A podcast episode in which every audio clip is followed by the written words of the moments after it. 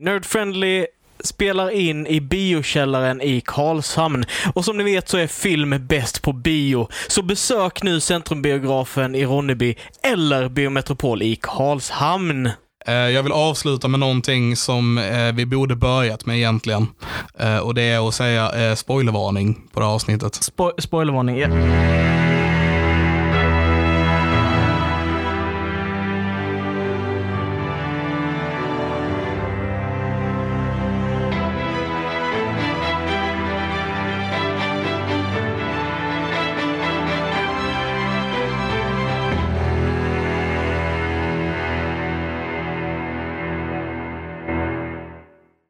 Hejsan allihopa, välkomna till Nerd Friendly! Nerdfriendly! Podden där snackar spel, film, musik och allt annat nördigt mellan himmel och jord. Mitt namn är Christian Fanlund. Mitt namn är Alexander Levin. Och jag gästar idag Patrik Vippola.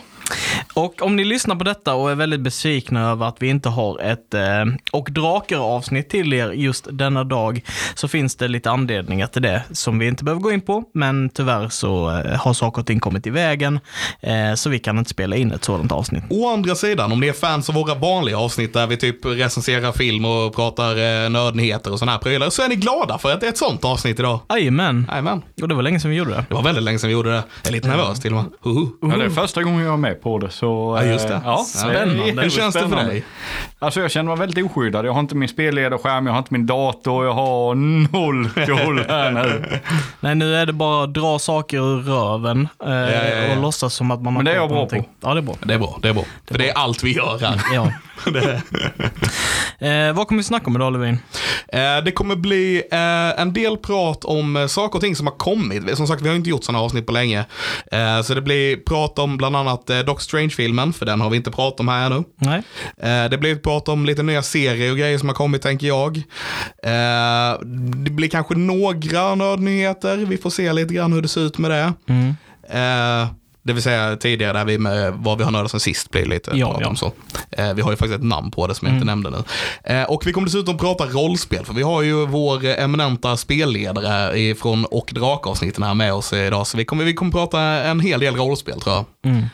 Vi fick höra precis innan vi satte igång den här podden, eh, när Putt skulle gästa, att han inte tittar på film eller serie. Så detta kommer bli väldigt, väldigt spännande att Nej, se. jag tittar ju på film och serier, Aldrig fast inte så ofta. Han har inte sett en enda film, han har inte sett en enda serie, eh, sa han till mig. Har ni hört talas om den när jag Peaky Blinders?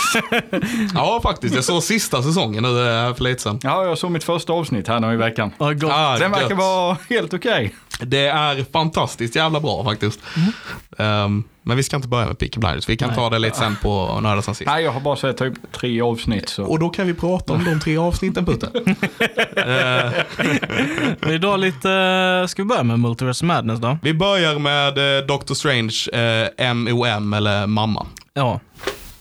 Det är väldigt, väldigt passande eh, akronym för det. Ja men det är det faktiskt. Eh, det handlar ju ganska, en ganska viktig del i den här filmen är ju just om hur eh, Scarlet Witch, a.k.a. Wanda, råkade bli mamma, råkade göra sig själv till mamma genom magiska medel i WandaVision och sen blev hon av med sina ungar. Ehm, så eh, Multiverse of Madness går ganska mycket ut på att hon eh, vill ha tillbaka sina ungar som hon har blivit av med. Och hon är spritt galen. Yes. Och det är helt fantastiskt kul att se. Yes. Om Ehm. lite undeserved kan jag tycka. Men, eh, Ja. men hon, eh, hon, är, hon är korrumperad av The Darkhold och stuff. Eh, jag vill bara lägga till här på, det är jättekul, vad vad är det hon heter? Elizabeth Olsen. Eh, jag såg ganska nyligen så ett klipp från en intervju de gjorde med henne i, under typ promotionen för Age of Ultron. Och då säger hon det, liksom, hon frågar typ, vad har du velat göra med Scarlet Witch? Och så där. Och hon säger det bara, åh, jag älskar eh, House of M. Yeah. Eh, jag älskar House of M. Jag hade verkligen velat se Wanda liksom så här förlora sina barn och bli galen. Liksom, så här. Men det kommer ju aldrig hända. Liksom. För det har ju inte råkat hända nu då. Nej, exakt. Eh, Så det är Det- jättekul att se. det är det typ kändaste momentet, momentet, ögonblicket från House of M är ju dock No More Mutants. Yeah, yeah. Och det fick vi aldrig. Och det fick vi aldrig. Det är För, förklara för lyssnarna och eh, Putte då också. Eh, I House of M så, bara för att sätta skala lite hur stark Scarlet Witch är som mutant. Eh, det avslutar med att hon säger No more mutants, vilket gör basically att planeten slutar ha mutanter. Förutom de allra starkaste hon, mutanterna. hon kan påverka liksom, reality så pass mycket så att hon säger no more mutants, vilket får alla mutanter att försvinna från världen. Är det House of M? Ja. Jaha. Känd storyline i tidningarna. ja. Eh, och eh, det fick vi inte i den här filmen, men vi fick massa andra cool saker. Detta är, vi ska inte bara prata om Scarlet Witch, detta är en Doctor Strange-film. Ja, Men det känns ändå som att, alltså det är, det är en Scarlet Witch-film också. för mig så är det typ mer en Scarlet Witch-film än vad det är en Doctor Strange-film. Ja. Egentligen. Och, och där i ligger lite en besvikelse för mig på något vis. Det är ju en Doctor Strange-film som man hade velat ha det mer som, alltså eh, i en perfekt värld så kanske de hade gått in lite mer på vem är Doctor Strange. För jag tycker fortfarande inte på något vis, trots att han har varit med i vadå, fem filmer nu eller någonting, att man har fortfarande inte ett riktigt grepp om man så, liksom vem han är som karaktär. Man har typ, han är arrogant, eh, han var en läkare förut, men så här, nu när han är trollkarl, vem är han nu? Helt plötsligt så är han någon som måste följa alla reglerna och the time stone och det är väldigt viktigt i Infinity War. Till sen i Spiderman när han bara, äh, fuck it, vi gör en spell som förändrar minnet på hela världen för Yeah. att eh, du ska komma in på college. Yeah. och han blir inte så svårt övertalad heller. Nej, nej, nej, nej. Eh, Alltså, så, så liksom han är väldigt, det, jag har inget riktigt grepp om han känner jag. Nej, men ska du ha ett grepp om han egentligen eftersom att han kontrollerar tiden tänker jag. Så vad säger att den tidslinjen är den, om vi säger inom parentes, rätta tidslinjen? Han kan ju befinna sig i olika tidslinjer. Jo, absolut. Men de har, Och- de har hintat också i denna filmen som vi pratar om, Multiversum om Madden, så har de hintat om att det är en specifik reality som MCU utspelar sig i. Den utspelar sig liksom inte flera. Den ska vara liksom en tidslinje. Ja, fast Eh. har hört två olika, för de, näm, de näm, nämner, heter det inte, Eh, de eh, ger namn på sina tidslinjer. Och eh, MCU-tidslinjerna får två olika namn nu, så vi vet egentligen inte vilken som är. Ja, ja då kanske det ligger mycket i det som Putte säger. Ja, jag tror det är tanken med Doctor Strange, att han befinner sig, alltså kan befinna sig i flera olika tidslinjer. Ja, och det gör Oj. han, eller ja, inte tidslinjer direkt, men han befinner sig på olika ställen Ja. i den här filmen. Yes. Och olika versioner av honom ser vi också. Ja, det gör vi. Eh, den, eh, vi blir också introducerade till en ny karaktär som heter America. Just det, just det. eh, som eh, har en förmåga att hon kan slå hål i typ the fabric of, eh, of, of the universe och eh, gå mellan dimensioner. Ja. Och därför är hon viktig för filmen. Inte av någon annan anledning. Det är bara för att hon har de krafterna. Ja, det känns lite så. Ja. Vi, så här, vi, vi kanske ska backa lite grann. Nu känner, jag- nu känner jag att vi bara, vi bara flyter runt och pratar om grejer. Ja. Eh, vad handlar filmen om? Eh, I det stora hela så handlar det ju om att eh, America kommer till eh, MCU-världen Ja. och träffar på Doctor Strange som får slått med, ja nu, nu är det specifikt igen. Men, Ja. och hon är i fara för att eh, Scarlet Witch eh, vill använda henne för att ta sig till en annan dimension och ersätta eller ta sina barn från den dimensionen till sin eller ersätta den versionen av henne som finns i den världen. Ja. Hon vill basically stjäla sina egna barn från sig själv fast från en annan dimension. Yeah. Det låter... Moraliskt dilemma, är det kidnappning eller inte? Det är en bra fråga. En väldigt bra fråga. Eh, Jag hon, vet. Hon eh, verkar inte bry sig om det moraliska dilemmat i, denna faktum, eh, i, i detta faktumet. För hon går efter America med allt hon har och säger he- hela tiden som ett mantra. Bara remember this is me being reasonable.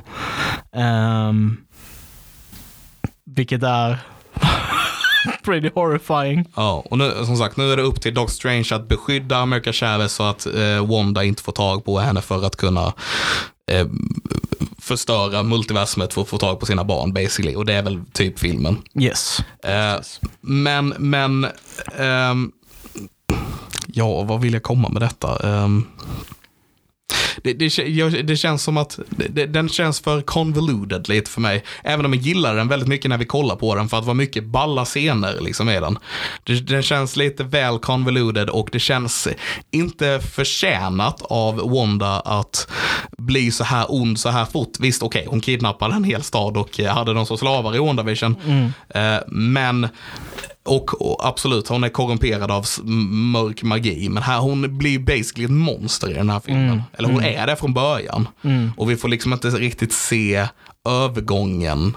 För hon, hon eh, bättrar ju ändå sig i slutet av WandaVision, kan man ju säga. Yeah. Så vi får inte riktigt se övergången från det till att hon är ett monster i den här som hon börjar med. Mm. Det tyckte jag var lite synd. Man hade velat liksom se henne gå från att vara den Wanda vi känner till att bli monstret i filmen tror jag. Ja, jag tänker också med tanke på typ energin de la på att, på att eh, bygga upp The Illuminati och hela den här biten som, jag vet inte hur stor faktiskt impacten hade på denna filmen egentligen, alltså hela det här. Det kändes Det som kändes en bara som- fanservice-grej som de la till bara. Verkligen. Här, här har, kör vi några scener där vi bara har lite coola cameos. Mm. Eh, och den hade man ju, även om det var häftigt att se, så den hade man ju kunnat. Ja, ja, jag menar jag var glad under hela scenen och var Ja. skitglad över att fick Patrick Stewart som kom som eh, Professor X från den animerade serien från 90-talet. Mm. I den gröna kostymen och gula eh, flygande rullstolen. Mm. Den såg så dum ut i live action då. Det gjorde den, men det var fortfarande skithäftigt att se. Det. sure. Eh, och sen fick vi eh, John Krasinski som eh, eh, Mr. Fantastic. Yes. Jag höll säga Captain Fantastic, men det är en annan film. Ehm, Ja. Och liksom jag var skitnöjd över hela den, hela den biten. Men det, det hade ju inte så mycket med filmen att göra egentligen.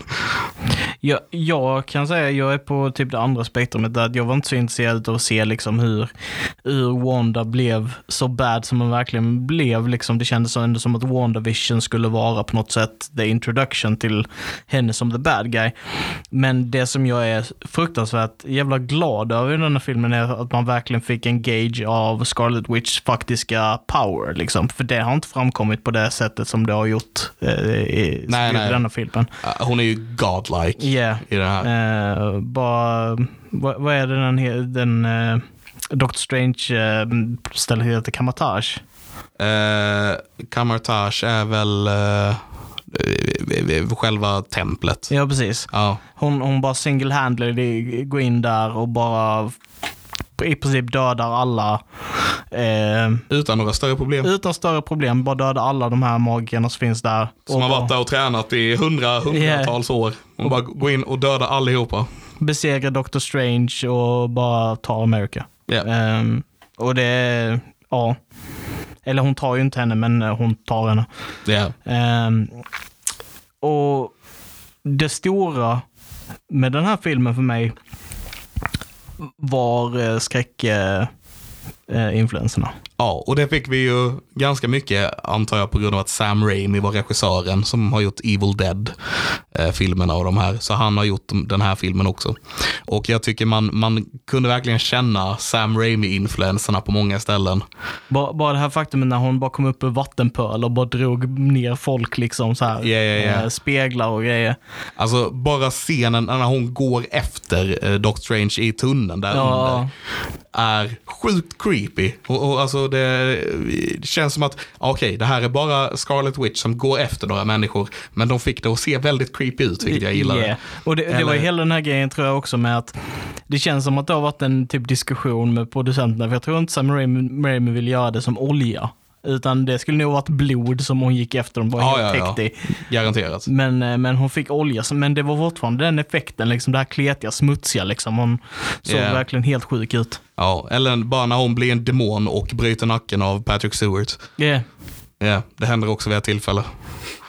Det det händer eh, väldigt mycket i den här filmen. It's great. Och vi fick också typ en av de coolaste, men också konstigaste fightscenerna någonsin, som var Musikfighten. Doctor Strange mot Doctor Strange, där de bara slogs med musik. Ja, det var weird. Men jag gillar det som fan. Jag gillar dem där som fan. Ja. Eh, hade gamla Dracula-themet. Bara du, du, du, du, du. Så bara skickar de tonerna mot varandra och gör skada på varandra.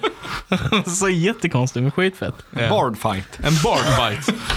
En bard fight, inte en bar fight, en bard fight. en bard fight. Ehm.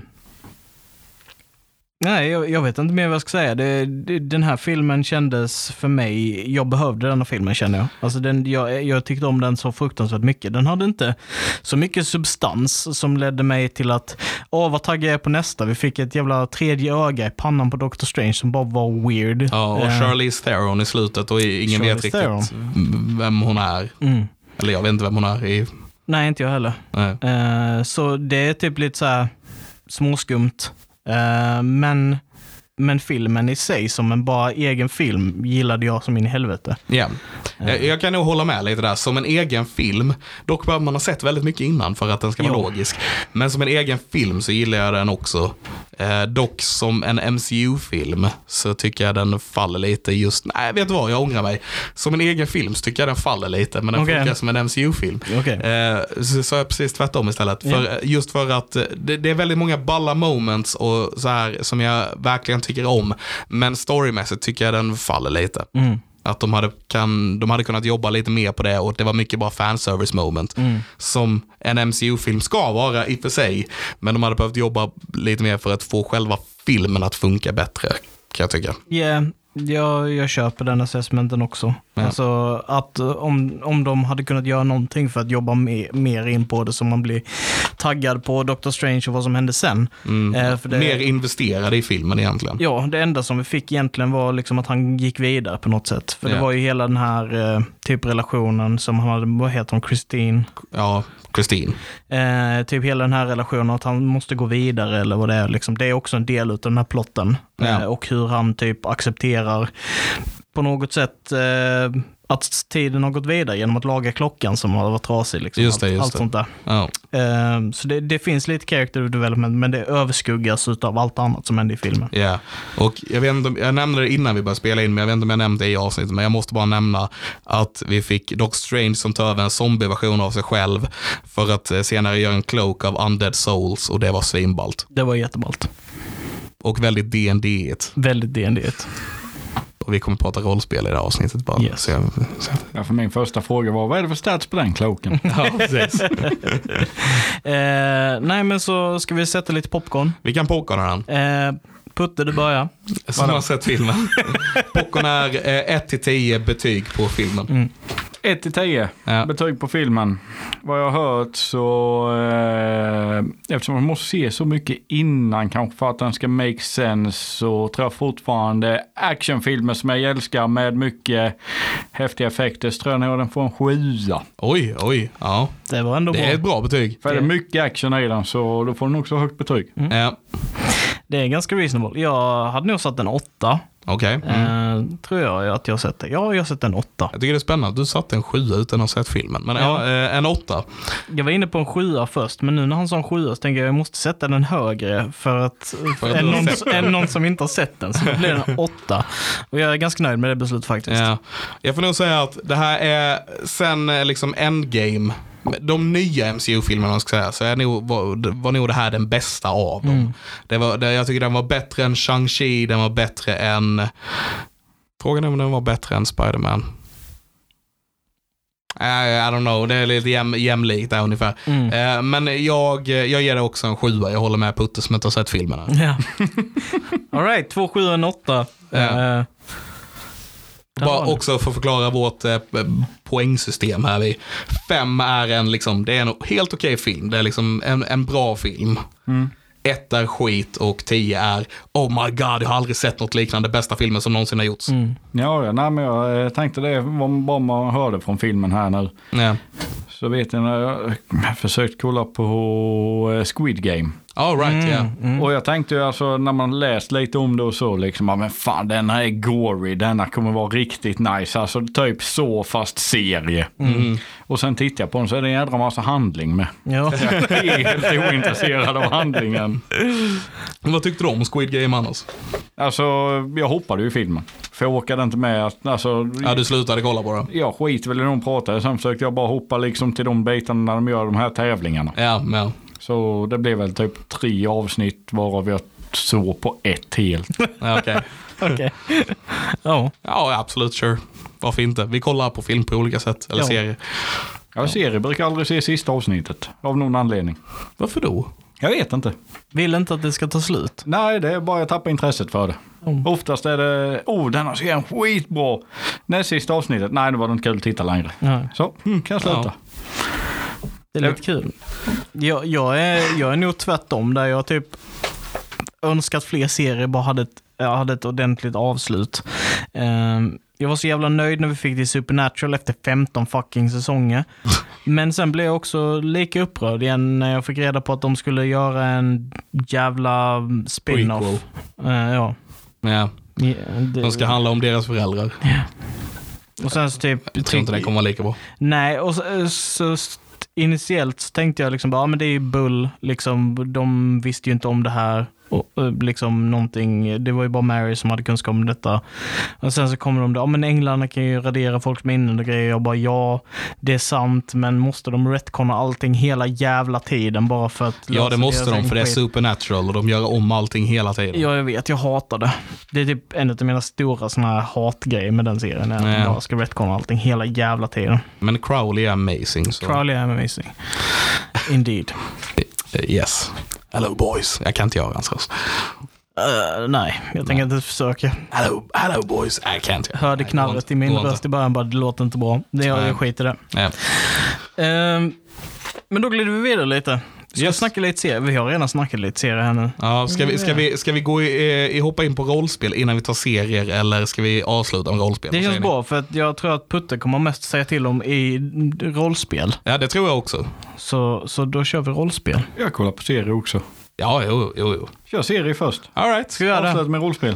Då kör vi så. Eh, vad, ska vi, vad ska vi ta för serie? Det har kommit en hel del nya nu. Ja, jag har kollat Eh. ganska mycket på serien nu senaste tiden. Får jag säga. Ja. Jag har Eh. försökt att hålla ikapp. Alltså det finns, det finns tre primärt som jag känner att jag har ganska bra koll på nu. Och det är eh, Stranger Things, som jag inte har sett de senaste avsnitten av, vilket jag är jätte, det är jättetråkigt att jag inte hunnit göra. jag kollar på dem i natt. Så det, Eh, de kom igår. ja. Eh, sen har vi The Boys som släppte ett nytt avsnitt också igår. ja. Eh, och vilket är det enda som jag inte sett än. Och sen så är det också Miss Marvel. Eh, Just det, det är jag inte riktigt, det har inte jag lika bra som, koll som jag har tittat på. Ja. Eh, så den, den kan jag snacka lite grann om. Eh, har du sett några av dessa Putte? Inte någon av dem, men jag har sett en annan. Ja, berätta om vilken du har. Clark. Ja, ah, just det. Med eh, Skarsgård. Ja, Ja, vad tyckte du om den? alltså jag eh, gillar den. Ja, jag gillar den Jag också. älskar inledningen i eh, serien också. Just den lilla disclaimen de har. Mm. Ja, Denna historien är baserad på sanning och lögner. Jajamän. Yep. Jag gillade det också. Eh, det känns som hela serien är... Har du sett den förresten? Jag har sett tre eller fyra avsnitt av den. Ja, om Clarkan. Ja. Ja. Eh, Clark Olofsson som är en riktig person som eh, rånade, alltså en känd person i Sverige som rånade banker och stuff. Eh, han blev ju känd som eh, Stockholmssyndromsmannen, bara för er lyssnare som inte vet vem Clark Olofsson är. Mm. Ehm, ja, jag, gillar, jag gillar den serien också. Det känns som hela serien är berättad ur hans perspektiv. Liksom. Ur Clark Olofssons perspektiv. Jo, men de köpte ju den av Clark Olofsson. Ja, det är väl hans... Det är Eh, hans berättelse och sen precis. köpte de den av han med, eh, i avtalet så stod det också, han får inte befinna sig på plats när de spelar in, han har ingenting att säga till om eh, vad de gör med materialet de har köpt av han. Så de, det första de gjorde när de köpte den var bara skar han från sin egna berättelse, du Mm. får inte vara med för de vill inte ha med honom att göra för han verkar vara en riktigt jädra jobbig typ att ha att göra med. ja, ja. Ja, han, han, eh, och det ser vi ju i serien också. Alltså, jag, vet inte vad, det känns inte som att han har skalat ner någonting av det, men han känns som en sån extrem narcissist. Alltså, Verkligen. Verkligen. Bara att han Eh, inte fattar det själv. Typ. Nej, nej precis. Ingen egen självreflektion liksom, reflektion överhuvudtaget. Nej, nej, utan nej. bara liksom, allting är gött, han, han har det bra och han är bäst. Liksom. Ja, ja, Nej, det är ju det är standard. Ja, ja, men skit i det. Ja, ja, exakt. Skit på dig. Sen, Jag sen, har inte tid att sitta där. sen så har man de sakerna som jag tror sticker bort från hans berättelse som är typ någon, jag vet inte vad det är, typ saker som har kommit fram i samtal med Clark eller liknande, att hans pappa typ misshandlar honom. Liksom. ja. Ja. Det känns som att det är typ lite mer bara för att få den här typ tycka synd om drama eller du vet att man ska ha någon form Vi, vi, ska, av- vi, precis, vi ska känna med Clark också på något vis, för han Ja. är ändå vår huvudkaraktär i serien. Eh, sen, sen tycker jag det är roligt att se hur allting i hans perspektiv. Hur han bara rånar banker, ligger med brudar, super och har roligt enligt han själv. Liksom. Yeah. Men samtidigt så se, får vi se då hur han bara förstör folks liv runt omkring. Yes. Men han ser inte det själv. Typ manipulera någon till att följa med dem till Berlin, tvinga honom till att råna en bank. Ja. Liksom, och liksom så här, bara förstör hans liv totalt. Liksom. Ja. Eh, så här. Och från Clarks perspektiv så är det liksom bara, det är helt rättfärdigat. Han, han spenderade pengar på honom eh, och nu har de inga pengar så då måste han lösa det. Nej, men, och hur fixar man pengar? Jo, man rånar en bank. Lite lätt sådär bara gå in. Ja, ja. Men däremot eh, vet jag, fick jag berättat för mig, är klar att eh, hans farsa var i alla fall eh, grovt alkoholiserad. Mm. Och sen vet jag inte hur, riktigt hur mycket de har spett på den bilden. Nej. Nej, alltså som sagt, det är ju sanningar och lögner som den är Alltså, det, nej, det tycker jag är det roliga. Man vet inte riktigt vad som är sant. Och jag visste att han rånade banker. Ja, Men sen gick man, jag vet, eh, läste en intervju med han där som han hade gjort efter filmen också, eller efter serien var släppt. Och det var ju det att, ja men då hade han gått ut och sagt, nej alltså riktigt så som de visade upp att jag rånade banker, så gjorde jag inte. Det var lite mer allvar i situationen när jag gick in och rånade en bank, för annars hade man inte rätt ut det. nej. jo, det För köper de jag. har, ja, de har ju gjort alla bankrånen djävulskt komiska, Ja, ja, Ja, de. måste jag säga. Ja, alltså när han går in och rånar banken med en colaflaska Ja. och bara raggar på brudar och snackar skit med tanterna om hur de har en, en, en stek i ugnen eller vad det var. Alltså. Men jag måste säga att jag tycker de har gjort serien jä- jävligt bra. Det känns som det är bra produ- produktionsvärde på den. Eh, Det känns som de har lagt mycket tid, och energi och kärlek, eller vad man ska säga, på den också. Liksom. Att Ja. den, har, den, har fick, den har, de har är- gjort mycket med den. Den är arbetad, Ja. den är välarbetad. Och de får ganska så snabbt liksom in en i att förstå hur speciell den här personen är. Liksom. Ja, ja, ja det går Eh, väldigt snabbt. Gre- grejerna han gör redan i början är ju inte bara vanliga så här, pojkbusstreck liksom. Typ när de går till, eh, vad var det, Bo- nej, eh, statsministerns eh, Ja, sommarstuga liksom. Och gå in där i växthuset och bara hitta findricka och de, någon försöker dricka direkt ur flaskan. Han bara, nej nej så gör vi fan inte. Det här är findricka, där dricker man ur glas. Bara, ingen care in the world, bara sitter där och dricker dricka. Typ som att de in, typ som att de har rätt att vara där. Typ. Ja, ja. Som om de äger stället. ja. Så gjorde han en Jack Sparrow också. Uh, you'll never ca- uh, you'll remember this day as the... Time you almost caught Clark. ja, precis. Ja. Oh. Ja, jag gillar den. Jag gillar den. Mm. Ja, den är bra. Eh, ja.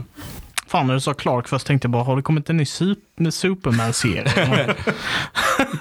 Ja, den andra kända Clark. ja, precis. Eh, men vad var det mer för serie du snackade om? Eh, vi kan ta om Miss Marvel i och med att du inte hade sett den. Jag har sett några avsnitt jag gjort, men jag har inte riktigt kommit in i det sådär. Nej, men det, det har väl bara kommit fyra tror jag. Okej, jag tror jag har sett två. Okej. Mm. Eh, Miss Marvel handlar ju då om eh, en, en ung kvinna som heter Kamala. Som är uppväxt i en pakistansk familj. Jag tror han, hennes pappa är eh, någon annanstans från, jag är inte riktigt säker. Okej. Eh, men den är, de är, det är i alla fall en muslimsk familj eh, och eh, hon är väldigt kontrollerad utav sin mamma. Eller hennes mamma projicerar väldigt mycket utav sina egna bilder av vem Kamala är. Liksom, vill att hon ska vara, du har alltid varit duktig, du är, du är inte den här dagdrömmande personen, du är den här duktiga som, som har koll på ditt liv, som, som vet vad hon vill göra. Liksom, och sådär. Eh, och en dag så får de eh, ett paket med massa gamla prylar från då eh, Kamalas mormor. Eh, och i dem så har de då ett armband som Kamala tar på sig och det låser upp några superkrafter. Just det. Eh, Såklart. Ja, Ja. Och, och Kamala är då också ett gigantiskt, gigantiskt fan utav Captain Marvel. Ja. Eh, hon ska till och med klä ut sig till henne på AvengerCon, vilket är en convention då i MCU. Ja, precis. Det avsnittet såg jag. Yes. När de ska till Avengers-con.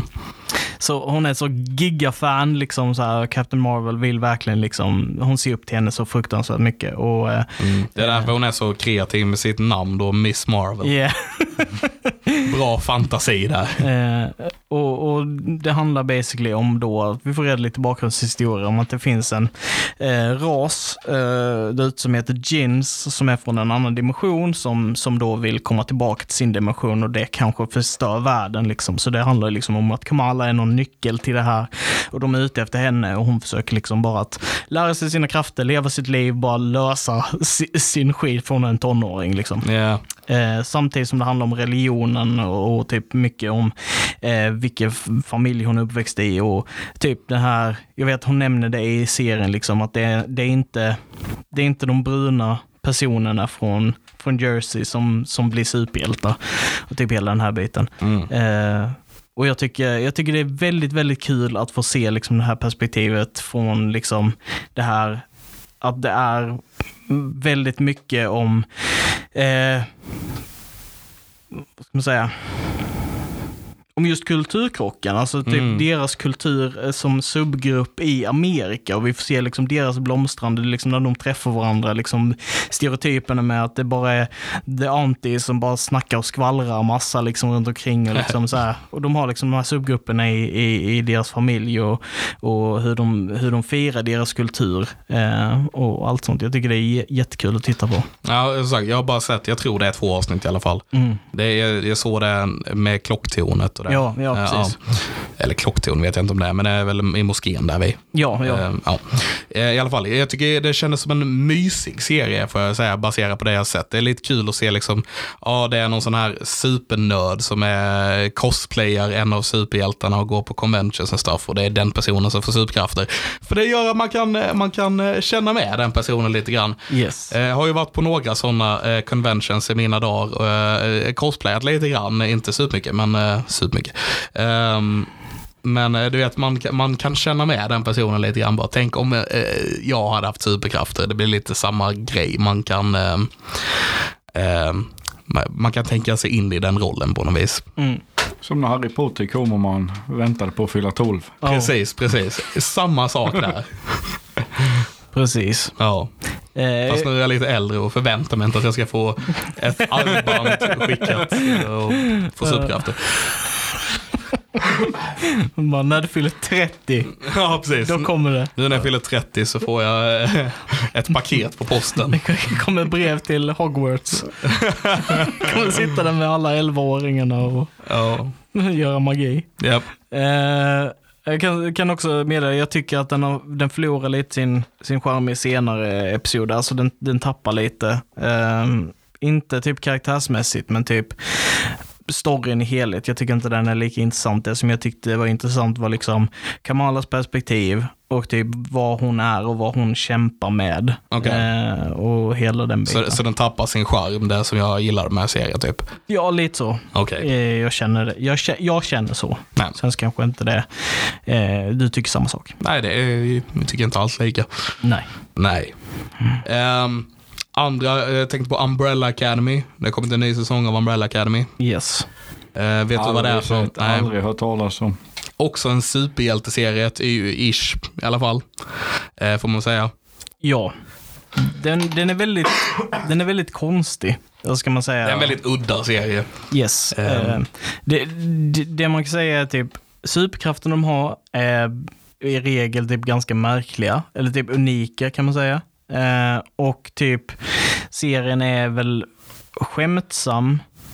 Men fortfarande seriös. Ja, Eh, den, den handlar basically om hur eh, den första oktober 1989 så föddes eh, ett eh, visst antal unga, jag kommer inte ihåg hur många det är. 14 va? Ja, 14 kanske det är. Där eh, mamman bara blev gravid samma dag och födde ungen samma dag. Liksom bara spontant blev gravid och födde ungen första oktober 1989. Och sen så är det en excentrisk eh, miljardär som åker runt och köper de här ungarna. Japp. Eh, och lyckas köpa sju av dem. Mm. Eh, för att sedan uppfostra dem till att bli The Umbrella Academy. Som ska, han försöker liksom uppfostra dem och eh, hitta, få dem att hitta sina superkrafter för att, av, av, av någon anledning som vi inte ska gå in på här.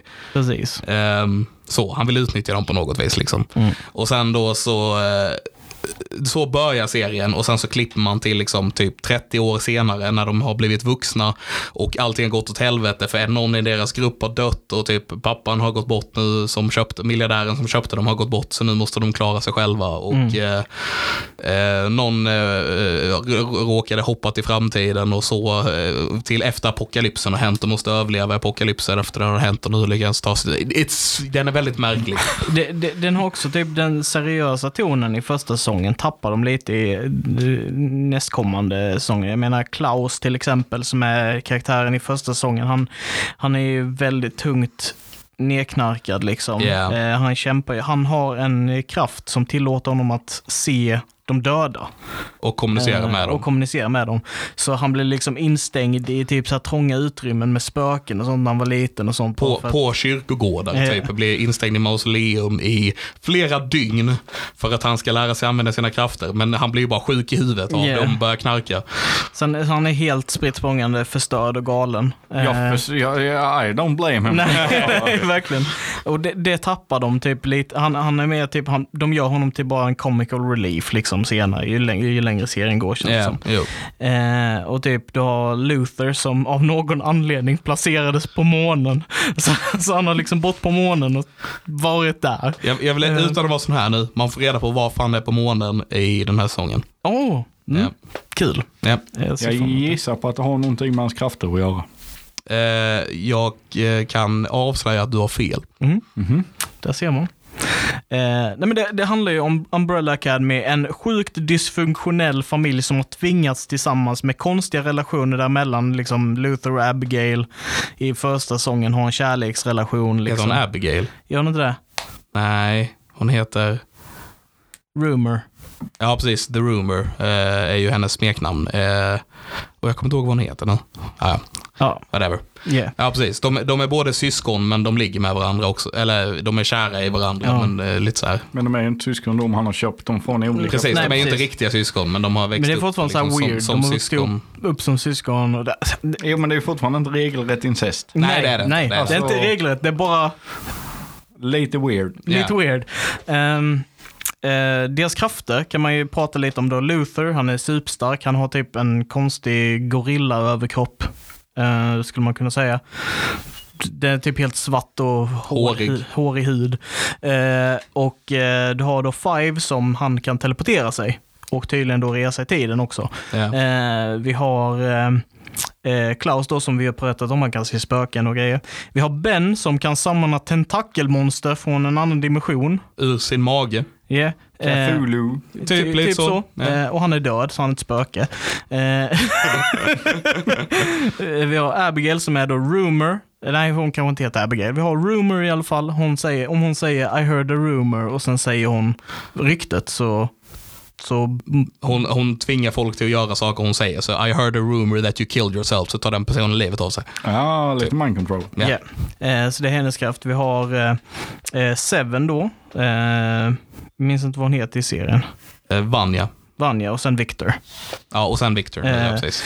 Så Vanja då, eh, hon har kraften att, jag vet inte vad jag ska säga det, det är väl med violinen där och typ, Jag vet inte heller riktigt. Det är någonting hon så här reagerar på ljud. Mm, Eh, som kan typ göra, skicka iväg så här pulse waves från sig själv. Som är kraftfulla typ och spränga månen och få den att skicka ner till jorden. Det är första apokalypsen spoilers. yes, yes, yes. Eh, när hon typ bara blir arg och spränger månen och skickar ner den till jorden. Ja, det, det händer grejer. Har vi, har vi missat något? Ja, just det, vi har Diego. Ja, just det. är Eh, som var superkraft är att han kan kasta knivar bra. yeah. Han kan kurva knivar i luften och sånt som Det flyger. är typ wanted fast med knivar. Ja. Det är vad han ser ut Så eh, vi har en som är superstark då, vi har en som mind-controllar, en som ser spöken, en som spränger månen och sen har vi knivkastaren. Ja, Ja, lite så. Lite så. Eh, är det någon vi har missat? Eh, av dem, sen är det ju lite nya Ja, det är nya som... Men det, det är core-gruppen. Och sen så har vi hon som kan kopiera vem som helst krafter. Just det, just det. Jag hade helt glömt bort henne till denna sång jag säga. Jag var mäkta förvirrad. Ah, Okej, har du glömt bort henne? hade Hon var jättestor grej i andra sånger. Ja, jag hade helt glömt bort henne. Ah, okej. Jag hade typ helt glömt bort andra sången. Den enda jag minns var att Klaus bara startade en kult. Ja, ja, Uh, vilket är jättekul. ja. Det är väldigt roligt. Yeah. Eh, Eh, Men ja, nya säsongen i alla fall. Eh, Jag gillade den här eh, väldigt mycket. Jag tyckte den var bättre än andra säsongen kan jag säga rent spontant. Eh, Känns som ma- vi går mer in på djupet på vilka karaktärerna är och liksom varför de är kan man väl säga. Även om inte får vi reda på alla detaljer liksom, så känns det som att det, vi, vi går lite djupare i den här säsongen och det tyckte jag var väldigt intressant. mm.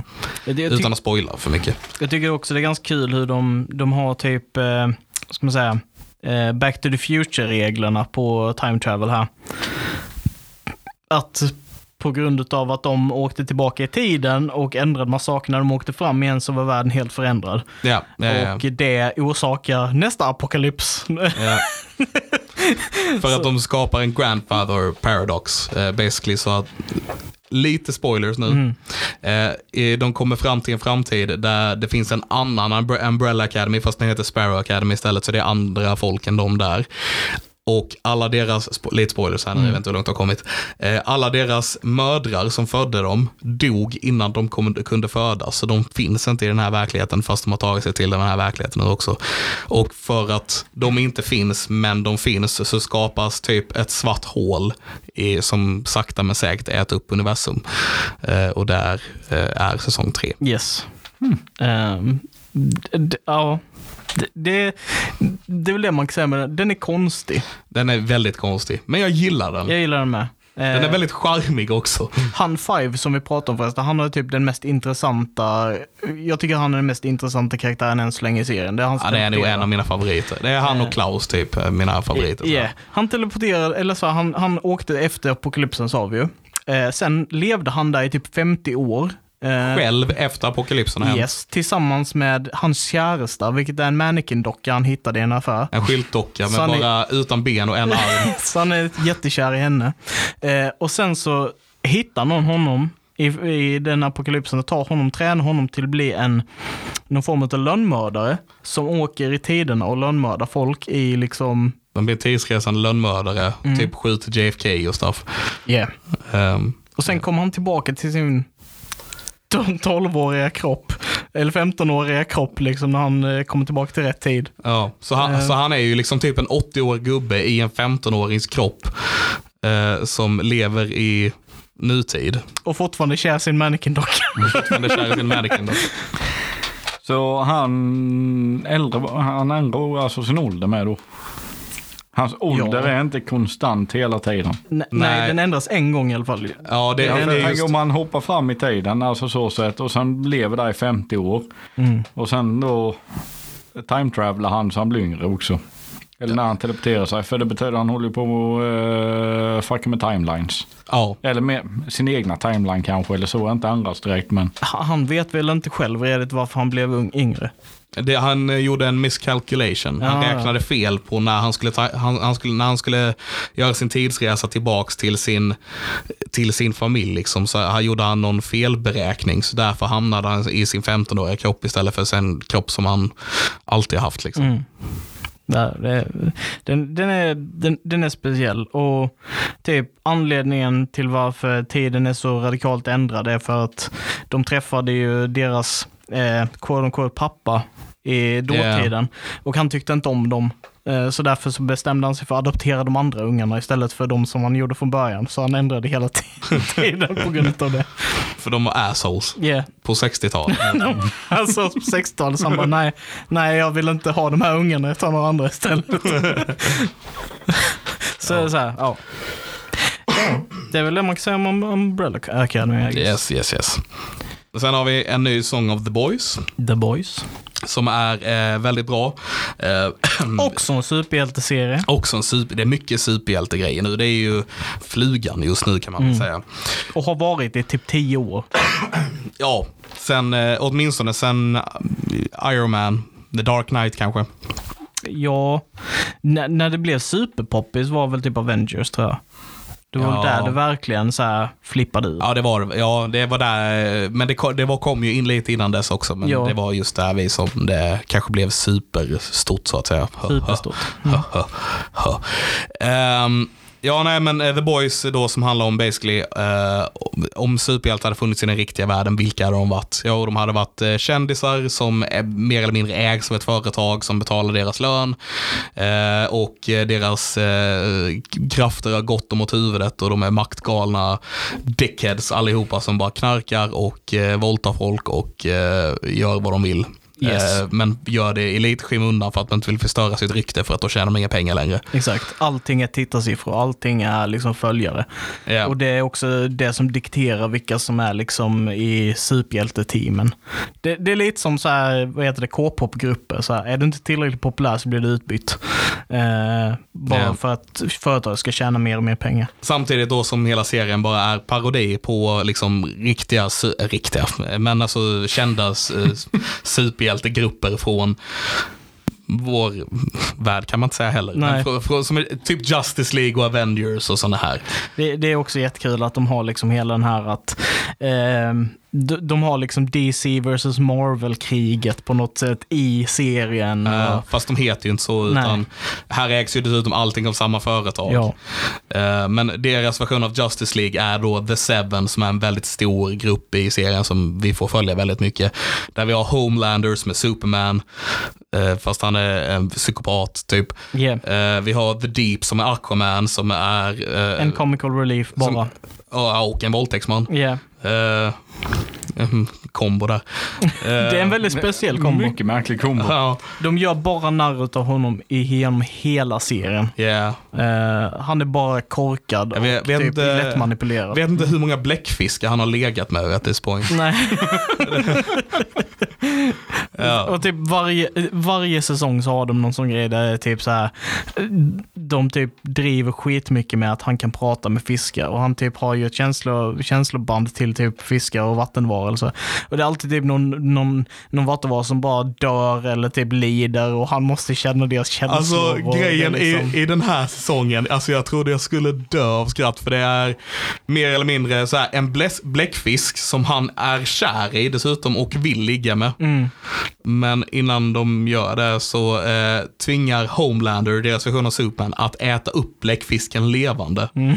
Så han sitter och bara förlåt och äter upp bläckfisken. Så, I can hear him crying, he's begging for his life.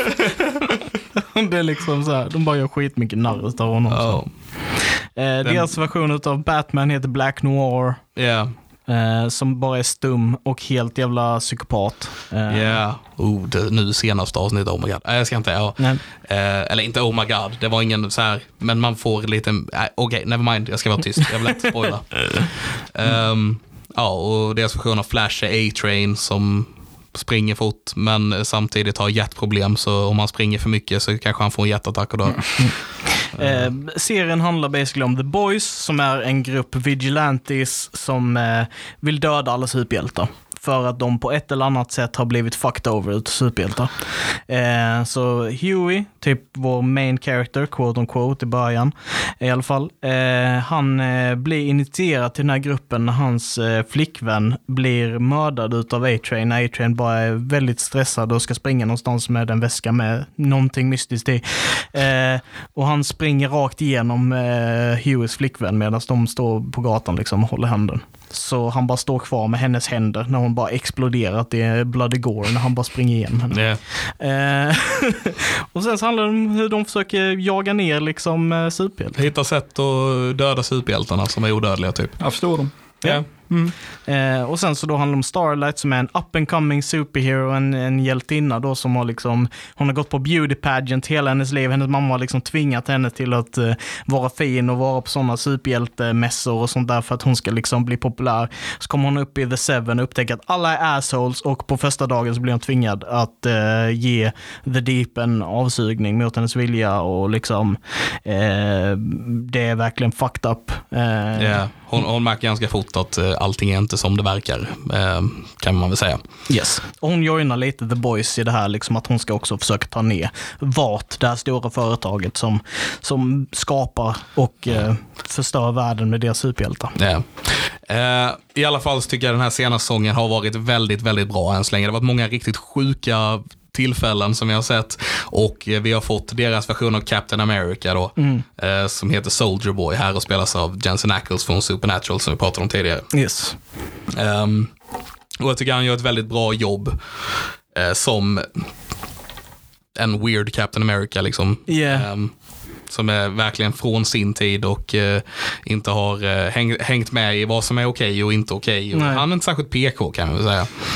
Han, han är också den superhjälte som jag känner har än så länge mm, varit mest mystisk och intressant. För att han har liksom den här Captain America-arken att han var nedfrusen, right? Men istället så var han ett ryskt labb där de bara typ eh, experimenterade på var han var, var han var liksom tålig och sånt där. Det är bara till hans ögon och du vet allt möjligt. Sånt där. Se, se hur mycket han klarar typ. Ja, ja. Så han har blivit torterad i typ 40 år eller någonting. Ja, då blir man fucked också. Ja, Ja, fast han var han var ju fucked redan innan dess. Eh, så han blir extra fucked. Eh, jag gillar den som vann. Den är, den är kul. Den, den har liksom den här väldigt mörka, konstiga humorn sam, samtidigt som den har faktiskt en intressant typ eh, conspiracy theory eh, plotline. Eh, samtidigt som den har väldigt bra karaktärer. Och, Alltså, den, och den tar upp väldigt mycket samhällsfrågor. Ja. Liksom så här, och pratar liksom om vårt samhälle idag, fast genom, genom den här eh, linsen då, liksom, eller vad man ska säga. Med mördande superhjältar och stuff. En väldigt intressant sak som jag tyckte var i föregående säsong var liksom en karaktär de introducerade som heter Stormfront. Yeah. Eh, och jag, min enda så här var liksom Stormfront, inte det någon jävla nazisthemsida var min första tanke. Liksom så här. Tänkte inte mycket mer på det, hon var jättemycket inne på sociala medier och liknande. Eh, och sen visade det sig att hon var bara full-blown nazist eh, som ville liksom skapa the Übermensch så att de kunde ta över världen. Liksom. Och, och hon liksom så här, eh, liksom och hur företaget tystade ner att hon var nazist för att hon var populär. Liksom, och hela den här biten, vilket är liksom till, typ direkt översatt till vår värld, där liksom människors hemligheter bara tystas ner för att de är populära eller för att de ska kunna behålla makten. För att De tjänar pengar på dem. Exakt. Massan ska inte så- få veta liksom. Eh, så det finns jättemycket sånt. Eh, satir och eh, kommentarer på verkligheten. Mhm. Mycket, mycket bra. Blandat med extrem brutal gore och konstiga grejer. Yeah. Mycket, mycket weird, mycket konstiga grejer som händer. Yes. Eh, yes. Ehm, jag tänkte med, Putte, du nämnde att du hade börjat kolla på Peaky Blinders. Ja, Eh, vad tycker du om den så länge? alltså jag tycker den är bra Ja, ja. faktiskt. Ehm, jag har ju förstått att alla var ju med i första världskriget Mhm. och alla lider av PTSD. ja. Det är ungefär så serien börjar. Eh, ja, Ja. och ja, jag Ja. vet inte riktigt vad man ska säga om den. Nej, jag, jag, Jag, tycker menar, den... jag tror nog de flesta har sett den. Ja, kanske. sett någonting av den. Ja, fast du har inte sett den heller va? Jag har inte sett den. Nej, jag tycker den serien är svinbra, verkligen. Eh, sen så dippar det lite i mitten där, jag kommer inte ihåg vilken säsong det är, men det är någon som inte är lika bra liksom så. Eh, men så brukar det vara, man kan inte alltid vara på topp I guess. Nej, men det är Ehm. någonting som de ofta har i serie är ju just den här jädra plottarmen. Ja, ja, ja, ja, precis. Alltså det, var man än Game of Thrones är väl den enda som inte haft någon plottarm. Egentligen. Ja, Förutom i typ slutet. ja de sista Ja. säsongerna typ två Men sista. om man tar de bra säsongerna. Mm. ja. Alltså de, vad var det, de fyra första. Yes. Mm. Ungefär tre, fyra första säsongerna som var riktigt bra. Då har du ingen plot armor. Nej. Alltså för plot armor, det är kass. Mm. Jag menar ska du dö så ska du dö. Alltså lite så. Ja, ja. Inte nej men man räddas i sista sekunder och vi retconar detta och vi retconar detta och. Eh, nu har inte du kommit så långt i Peaky Blinders, men jag får ändå säga att jag tycker ändå Peaky Blinders är ganska bra på det också. Eh, spoilers, lite grann, utan att nämna några namn. Ja, ja, men det, Ehm. det är fine att de dör. Alltså att folk i serier dör och du får följa en ny karaktär. Alltså, Ja, för det, det är en parallell jag dragit, alltså, som jag har känt väldigt mycket, särskilt som har spelat så pass mycket som man har gjort med. ja, Alltså det värsta som finns är ju plot armor. ja. Alltså du ska inte överleva allt. Alltså det går inte utan nej då är det inte kul längre. Nej. Och ja, som sagt, Peaky Blinders, det, det, jag tycker de är rätt bra på att inte ge sina karaktärer plot armor.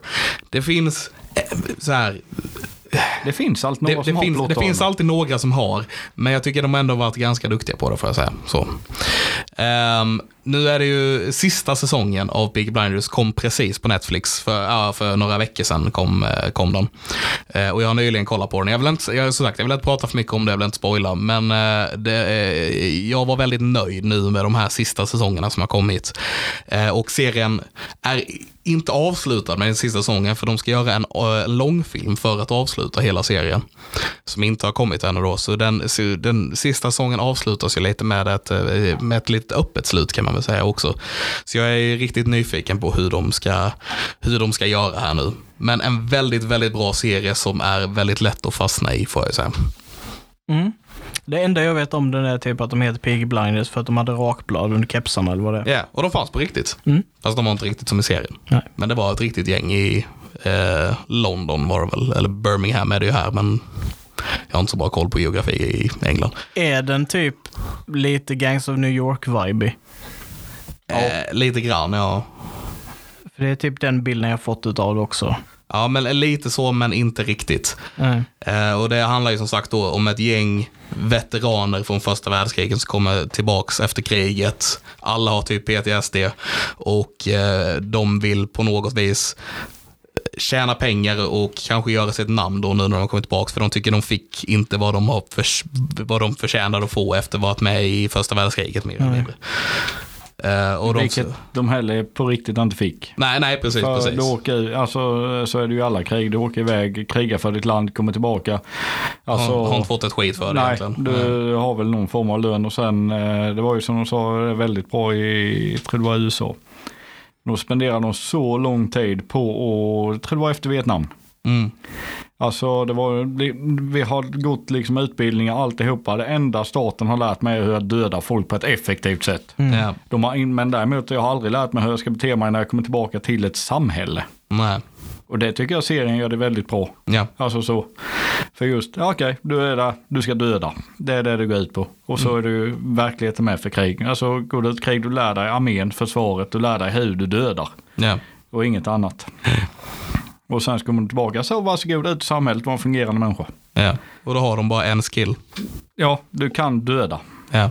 Och ja, de utnyttjar den Fast skillen idag lite. så fungerar det väl lite bättre med Ja, liksom, ja, såklart, såklart. behandlingar och du får hjälp och så om du behöver det. Men Det var- förr hade du ju inte det. väl Beroende lite- på vilket land du, du är ifrån och krigar för. Jo, så kan det Men säkert jag också vet, vara. eh, amerikanerna har ju med någonting nu eh, för veteraner just med PTSD. Mm. För de har märkt att shit detta är ett problem. Särskilt efter, det var väl efter Vietnam där. Att folk hade ju jätteproblem med eh, källchock. Mm. Just.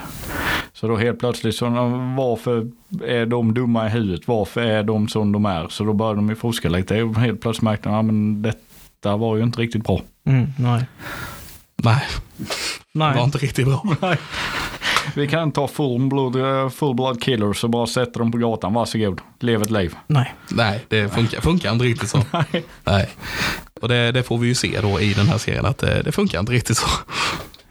Nej, Men, men det, eh, ja, jag tycker det är kul att de drar in det i just hela, alltså hela jävla uppbyggnaden på det. Mhm. Alltså, nu är jag bara i början, men just att du får se att de har problem, de har riktiga problem. Ja, Till exempel, nej, alltså, som han huvudpersonen Tommy då ju, får man reda på i gravarna, han sa det, jag hör fortfarande spadtagen, alltså allt detta då ju. mm. Det enda så fort jag blundar så hör jag bara spadtagen, jag hör hackorna, hur de liksom försöker komma igenom eh, liksom väggarna och allt detta. Nej, det, och sen liksom varje natt, alltid liksom. Nej men det, mm, jag gillar det. ja. Det är någonting som går igenom i hela serien kan jag säga också. Så det, Ja men det skapar ett djup till det. ja, definitivt. Det är bara inte, de har bekymmer, det är liksom bara inte skitstövlar. Nej, nej. Ett gäng kriminella skitstövlar, utan det är ju ett gäng kriminella skitstövlar som har djävulska psykiska problem. Ja, definitivt. Du funderar inte på att börja kolla på den? Nej. Eh, kanske, men eh, som Putte sa där. Det är det. Jag, jag, jag, nej, Putte sa inte detta. Eh, det, det, det, jag ska inte ljuga. Eh, nej, men jag är väldigt speciell med hur jag tittar på serier. Jag måste själv typ bli motiverad för dem, annars så kan inte jag ta till mig dem. Det är Nej. typ väldigt mycket, jag är väldigt sån om jag får lust till det så, Ja. så kollar jag på det och då Det- tycker jag det är bra oftast. Eh, Jag har märkt att eh, ofta beror det på hur exalterad jag är när jag har pitchat dem för dig. Ja, det har väldigt stor betydelse. Så tydligen har jag inte varit tillräckligt exalterad när jag pitchat Peaky Blinders. Nej, men, eh, din pitch kan bara göra så mycket. Typ temat måste också vara överens med saker som jag tycker om. Man Ja. måste vara sugen på det med. Ja, alltså det är ju det förstås, är du inte sugen på att se någonting, det vet jag alla pratar om Narcos. Ja, ja. Med colombianen där. Många pratar om det, men det var ju som att ja men jag tittar väl på den när jag har tid. Sen tittar jag lite på den, okej den var bra ett par avsnitt och sen, nej. Ja. Nej, jag kommer inte riktigt in i den heller faktiskt. Just Narcos. Men eh, jag vet inte. Ja då är det mer intressant att kolla på en en och en halv timmes dokumentär om han. Ja, Alltså, Pablo Escobar. Där. så ja. där fick jag reda på all information jag behövde. Ja. Mm. ja. Eh, nå- någonting mer vi vill prata om när det gäller serier innan vi hoppar vidare på rollspel? Det, detta kanske är lite eh, ihop till detta, men det har ju kommit ett nytt sånt här, eh, ska man säga, eh, Choice eh, Matters eh, skräckspel. Eh, som heter The Quarry. Eh, som då utspelar sig på en, eh, ska man säga, eh, på ett sånt här sommarläge. Eh, och handlar då om typ så här, unga personer som åker dit och är camp counselors. Liksom. Och det handlar då om att sista dagen på det här, eh, eh när de ska åka hem, så är då ledaren av det här campet väldigt benägna på att få dem därifrån. Eh, och de eh, stannar kvar där för att en av karaktärerna saboterar en av bilarna, eller bilen, så de kan inte åka därifrån. Så de får stanna på det här stället och ja, det börjar eh, komma typ konstiga monster och jaga dem och eh, sånt här. Eh, som det gör. Som det gör. Ja. Eh, eh, och eh, ja, det var spelet handlar om. De ska försöka överleva, ta sig ifrån och klara sig. Och spelet går ju då ut på att du spelar som olika karaktärer eh, i det här ungdomsgänget. Och eh, baserat på valen du gör liksom, under den här resan så kommer de i slutändan överleva eller dö. Och Ah. poängen är då att få alla att överleva. Ja. Eh, men som, ja, det bästa av de här som jag har sett än så länge har ju varit det första som kom, Until Dawn, som det heter. Eh, och eh, det finns några stycken som har varit väldigt bra eh, under tidens gång. Det är inte samma skapare tror jag inte som den, de gamla, utan de här, utan detta är någon annan spelutvecklare tror jag. Men jag tycker, jag tycker det är väldigt kul att titta på. Jag hade aldrig kunnat spela det själv nämligen. För jag blir så stressad av de här valen. Liksom bara, jag kan inte välja. Så då är det kul att titta på någon som kan välja Sure. och höra dem Vet resonera. en annan en grej som du hade plattform? Va? Vilka plattformar? Är det bara PC eller? Eh, nej, jag tror den finns PS, PS4 och Xbox också. Ja. PS5. Hur, hur många val har man att välja mellan samtidigt? Eh, oftast är det två. Okej, ta en tärning. 50-50. Jo, men jag kommer alltid tänka, jag vill ju att de ska överleva, så jag kommer alltid tänka, blir det fel nu? Nej men skit i det, bara slå en tärning och ta vad tärningen bestämmer. Jag tror att alla karaktärer kommer dö då. Kanske, men testa. Det hade varit ett kul experiment. Absolut. Men det är också ett bra sätt för att veta vad man egentligen vill. Är det singla en slant? Jo. Ja. Och säga att eh, det ena är alternativ A det, och så head, eh, krona alternativ A, klave alternativ B. Singla slanten när du fångar den, sen tittar du inte och väljer. För du har hoppats på en sida. Ja, ja, alltså det, det är bra alternativ. Jag, jag tror också att en, en stor anledning till varför jag inte spelar dem själv är för att jag inte har tålamodet. Typ det är väldigt mycket så här, typ clue finding. Om du vill veta liksom the main story, liksom som är bakom alltihopa. Istället för bara det som sätts framför dig så behöver du hitta lappar och du behöver läsa på lapparna och se liksom, ah men här får vi information och typ lägga ihop det. Och det pallar inte jag. Är det inte du som hade Jag eh, älskat... satt ju med Skyrim i 12 timmar och eh, vanligtvis läser jag inte så mycket böcker. Nej. I Skyrim gick jag igenom ett helt bibliotek och bara Kanske det är ett spel för dig, testa. Jag känner det, det kändes som en puttegrej att bara spela en sånt spel där man måste leta i varenda hörn liksom för att hitta allt. Jag vet Ja. inte hur mycket timmar jag spenderat på ren skit i Skyrim. Men vi Skyrim är ett sånt spel med. Ehm, jag ska bara peta in en liten nördnyhet här också, för det är nog min enda nördnyhet idag tror jag. Eh, och det är att The Boys har blivit, eh, fått, en- de ska få en säsong fyra. Och om jag minns rätt så börjar de spela in den säsongen nu i augusti redan. Så, yay, grattis till dem. Grattis till dem. Ehm, vi hoppar på lite rollspel då. Yes. Yes. Ja, vad eh, vill ni veta om kampanjen som vi kört hittills? Allt. Berätta hur vi vinner. fråga. Man klarar spelet. Man, Man, överlever. man, man klarar spelet. Eller man överlever. Ja, okej. Mm. Jag är lite nyfiken på att höra liksom hur långt utav den här berättelsen var, eh, var färdig eller var påtänkt när vi inledde kampanjen. När vi inledde så eh, först och främst för de första fyra vi körde var ju en ren test. Mm, det var en one shot egentligen. Ja. Mm. Så det var ju tanken, eh, då hade vi skrivit eh, den delen egentligen, bara Winding Bridge-delen. Och sen så när liksom, sen började jag själv fundera lite på om man skulle fortsätta, en, alltså detta som en ren kampanj fast inte spela in den. Så hade jag ju liksom bara gjort en lite större grej i mitt huvud. Och jag gör ju alltså, jag börjar med en, okej, vilken är the big bad? Eller vilken är egentligen antagonisten som har satt, startat alltihopa? Och sen gör jag ju honom och varför har han gjort det? Jo, han har gjort det på grund av detta, detta, detta. Och sen helt plötsligt kommer man på lite till, lite till och det är därför jag alltid vill ha backstory från karaktärerna för att ni ska känna er som att ni är en del av världen. För jag, bygg, jag tycker inte om att skriva en historia och säga att det är varsågod spela i min värld. Detta är min värld, detta sker, detta händer, utan ni är ju faktiskt en del av världen. Så därför, jag nyttjar mycket backstory från karaktären när jag gör världen. Mm. För att man ska ha en koppling till världen överhuvudtaget. Mm. Och så, på så sätt känner man sig mer involverad i spelet också när man har sin backstory, att det är en del av världen. Ja, ja. Det, det är också ett viktigt verktyg som spelledare eh, för att kunna pressa karaktärerna.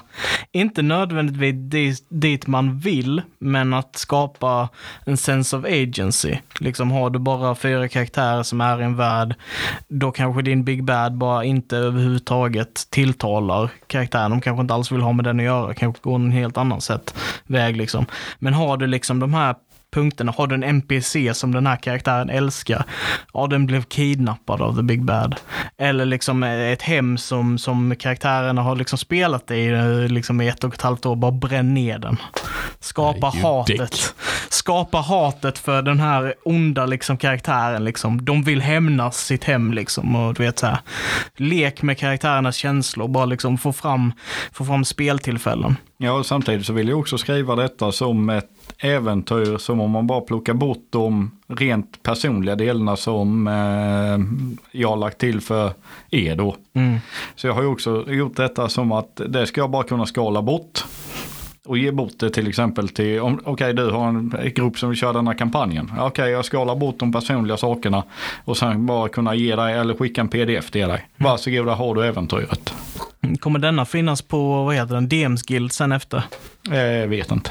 Klart den kommer, klart den kommer. Tycker vi fixar det. Ja. Vi, vi skrev, när, vi har, när vi har spelat klart den skriver den som ett officiellt äventyr och lägger upp den där. Ja, vi kan prova. Vi testar. Jag tycker vi kör. Ja, Vi är inte där vi ännu, får men bara skriva färdigt allt. ja, ja precis. Mm. Precis. För jag tänker inte sitta och skriva en eh, jädra massa som eh, ni inte gör som jag har gjort innan. Visst är, visst är det kul när man kommer till den punkten och inser liksom bara att typ 75-80% av det jag skapar kommer aldrig se the light of day. Så det är ingen mening att göra det. göra det. jo, men jag tycker det är kul att skriva det också. Mm. Men däremot så vet jag ju alltså till exempel så behöver jag inte skriva det men jag kan ha det i huvudet. Mm. Eller lägga lite notiser om det bara. Typ som platsen ni åker till, de, de har jag skrivit. Alltså letat upp fakta om dem, skrivit, plockat bort saker som jag tycker är irrelevanta om det. Till exempel som det här innet drivs av eh, Blahu Bargao. Liksom och den här nästa in här jämte det drivs av eh, Gashukagu. Nej, alltså nej, jag tar det som det kommer. Okej, det finns de här sakerna. De här byggnaderna är relevanta. Okej, det finns handlare, det finns magic shops, det finns smeder. Alltså, ja, visst det finns och sen drar man det efterhand. Jag tycker det är en sån grej också, även om inte det är någonting som spelarna utforskar, så är det på någonting, när man, om man har det så är det på någonting som ger ett djup till historien också, att det finns så här, eh, en, en karaktär som har eh, den här, eh, I don't know, den här, den, här smed, den här smeden här borta, han har en backstory, han har en familj som bor i staden. Liksom, även om inte spelarna får reda på det är för en själv så är det någonting som ger ett djup till historien också samtidigt. Mm. Och det är någonting som skulle kunna komma upp i historien med om någon av oss och Teddy skulle gå in och fråga den här smeden bara, hej är du gift? Och, och, du vet, och då har du ett svar på det, förstår du vad jag menar? Ja, ja, ja. ja. Men det, det är det som är, det, är- det är det som är den kompromissen. Eh, som, som spelare, som e-, enligt mig då, är att du har kompromissen där att du kan skapa liksom den här super Uh, utarbetade världen där alla har liksom relationer och sam samarbeten eller kopplingar till varandra och sånt här. Mm, typ vilken smedja som finns i den här världen. Men om du kommer till en stad som spelare och liksom bara, ah, finns det smedjor här? Så bara, ja men det finns den här smedjan, den heter exakt det här och det här är vad de sysslar med. Bara, Nej, men jag är inte intresserad av den typen av smedja. Då har du liksom lagt all den energin på det när du hade kunnat lägga det på någonting helt annat. Ja, ja, ja, och ja, det fattar jag är jobbigt. Men jag menar bara, som jag tänker till exempel eh, i den, eh, om vi tar i vår historia som vi har, där vi har skrivit liksom sida efter sida om den här religionen eller whatever.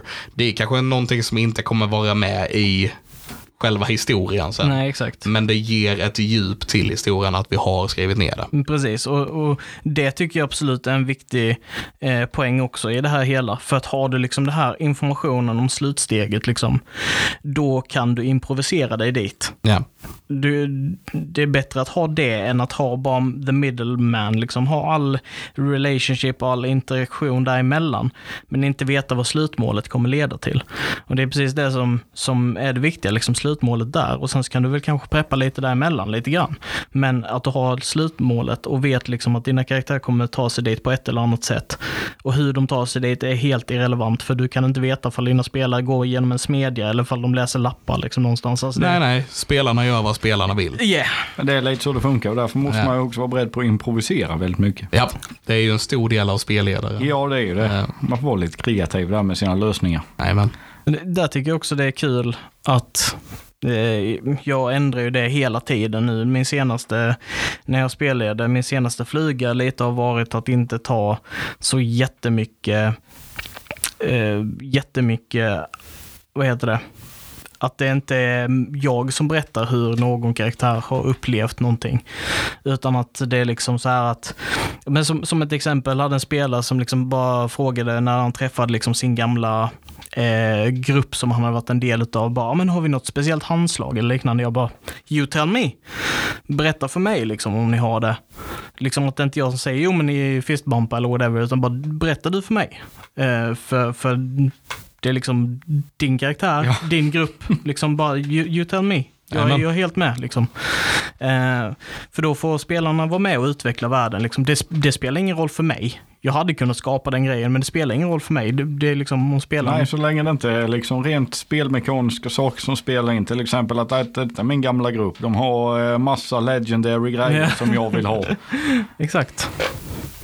Så spelar det ingen roll. Alltså, Det kan man ju säga, Rent rollmässigt. Ja, hela den här gruppen är skyldiga mig eh, magic items. Alla är legendary och eh, de måste ge mig dem nu. Det var, det var lite kul alltså, som vi fick. Jag, jag vill ta det som ett exempel. En, Vilket? Med min senaste session. Eh, när de kom till den här eh, eh, Raven Queen-templet, eller inte templet, klostret typ.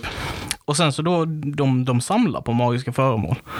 Och då är det liksom så här bara, men vänta, vi behöver ett specifikt magiskt föremål. Ja, men det vet du om att det finns, det specifika föremålet finns liksom här i. Då blev det liksom en, ett moraliskt dilemma lite. För att de fick inte ta det föremålet, för det är heliga föremål. Då är det liksom, ska vi gå emot en av gruppens religion för att få det magiska föremålet vi behöver. Det blir liksom den här moraliska diskussionen istället. Så problemet blir inte att ta den. Problemet blir, vad blir konsekvenserna för vår grupp och för karaktären om vi tar den? Eh, vilket jag tycker är väldigt, väldigt kul. Ja, medan jag bara stod och viskade i Mordals öra som är vår Rogue. Tommy spelar Rogen. Bara, gör en heist. bara, bara gå ner och stjäl den. Bara ta den. Tyckte jag var roligt. Ja. Men sen så kapade ni, tror det var, jag skulle tippa på tio avsnitt. Nice. Som ni bara kapade väck. Va? Ja. Genom att... Ni gick till Stack camp. från Wine Bridge direkt Ja, eller? ni eh, gick till det här campet och eh, pep därifrån illa kvickt. Vilket Ja kan... just det, du hade gjort hela kartan och du vet så här Ja. med, med The Cobble Fighting Pitten och, vet, Oh yeah. och vi bara tog ledaren och bara bailade. Ja, just det.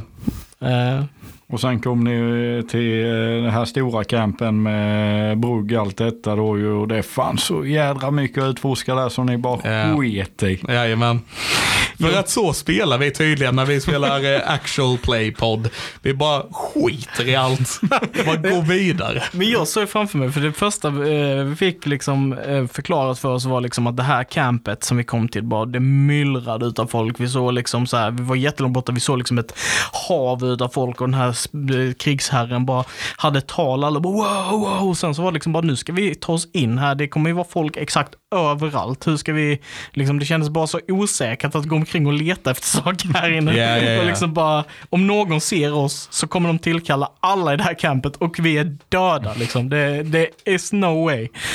Så det var liksom det som var så som jag kände liksom hela vägen från början. Bara, nej, vi kan inte vara här. Det finns inte en chans att vi överlever. Alltså här. det fanns säkert jättemycket vi hade kunnat utforska i det här campet. Men det, det är lite så bara, som karaktär kände man att bara, vi är liksom i, i, i in the belly of the beast ganska bokstavligen. Ja, ja, ja. Och man överlever inte för det är för mycket magsyra här. Liksom. Det, Precis. så det är bara i, hoppa i och ta det ut direkt. Det, Men sen, sen tycker jag också att det är väldigt kul eh, att spela på det liksom. Att veta om att vårt mål är att på något sätt ta oss in i the belly of the beast och överleva och komma därifrån. Eh, och hur man gör det liksom, allting är en gamble. Typ jag klär ut mig till en sån här karaktär, eh, en, en, vad var det för någonting? Hobgoblin. En hobgoblin. Jag klär ut mig till en Ja, hobgoblin. Försöker ta mig in där, ljuga mig in där liksom. Bli kart, bara fuck. eh, liksom hela den här processen.